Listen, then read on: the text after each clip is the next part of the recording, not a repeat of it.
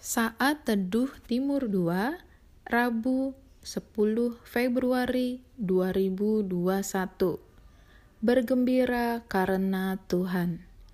Mazmur 37 ayat 4 berkata, Dan bergembiralah karena Tuhan, maka ia akan memberikan kepadamu apa yang diinginkan hatimu. Siapa yang rindu setiap keinginan hatinya diberikan oleh Tuhan? Dengan antusias, pasti semua orang akan langsung mengangkat tangan. Ya, betul. Setiap kita pasti sangat senang jika keinginan hatinya dipenuhi. Menurut ayat yang kita baca hari ini, kita dituntut untuk bergembira karena Tuhan dahulu maka setelah itu baru Ia akan memberikan yang menjadi keinginan hati kita. Percayalah bahwa Tuhan ingin memberkati anak-anaknya dengan memberikan keinginan hati kita. Namun, Tuhan tidak akan memberikan keinginan hati kita bila kita belum siap menerimanya.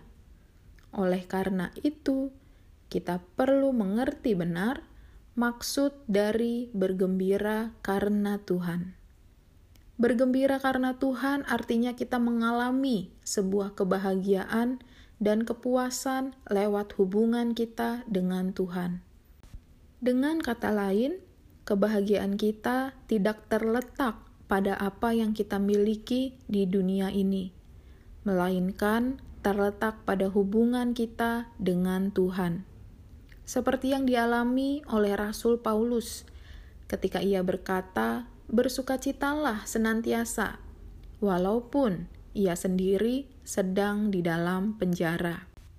Bergembira karena Tuhan berarti alasan utama kita bergembira adalah karena kita percaya kepada Tuhan. Percaya bahwa firman-Nya adalah sebuah kebenaran yang pasti akan terjadi dan tergenapi. Bergembira karena Tuhan berarti kita percaya ada Tuhan yang selalu berjalan di depan kita untuk menuntun jalan kehidupan kita. Pergumulan kehidupan tidak akan mempengaruhi hati kita untuk jatuh, tetapi kita tetap bergembira karena percaya sepenuhnya kepada Tuhan. Jadi, bergembiralah, karena memang kita pantas bergembira, sebab Tuhan telah memenangkan kita dan memerdekakan hati kita. Selamat memulai hari yang baru.